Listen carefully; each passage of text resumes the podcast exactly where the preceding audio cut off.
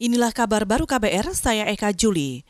Saudara, pemerintah meminta para pesohor tidak asal bicara mengenai COVID-19, termasuk tidak mengkampanyekan teori konspirasi wabah virus corona. Juru bicara pemerintah untuk penanganan COVID-19, Wiku Adhisa Smito menegaskan, wabah COVID bukanlah konspirasi.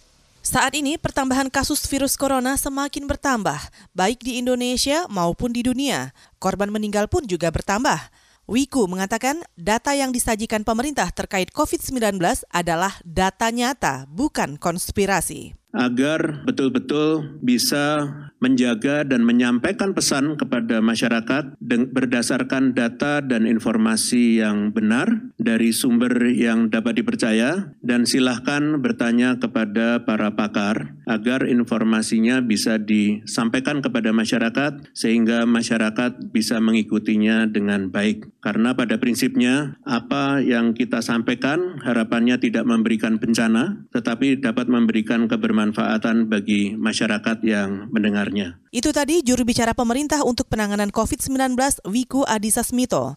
Penegasan pemerintah itu disampaikan menanggapi sejumlah orang yang meyakini wabah virus corona penyebab COVID-19 sebagai konspirasi. Kelompok ini menganggap COVID tidak berbahaya. Mereka bahkan mengkampanyekan gerakan anti masker hingga menolak pemeriksaan COVID-19. Salah satu kelompok ini berada di Provinsi Bali yang beberapa waktu lalu menggelar aksi demonstrasi menolak pemeriksaan kesehatan, baik pemeriksaan cepat atau rapid test maupun swab test. Saudara gedung DPRD DKI Jakarta ditutup sementara selama lima hari setelah ditemukan kasus positif COVID-19.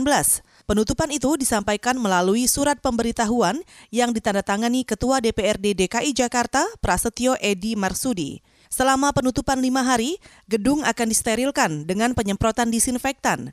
Ketua DPRD DKI juga meminta agar kegiatan kerja di DPRD DKI dan sekretariat dihentikan sementara dan akan dimulai kembali pada Senin pekan depan.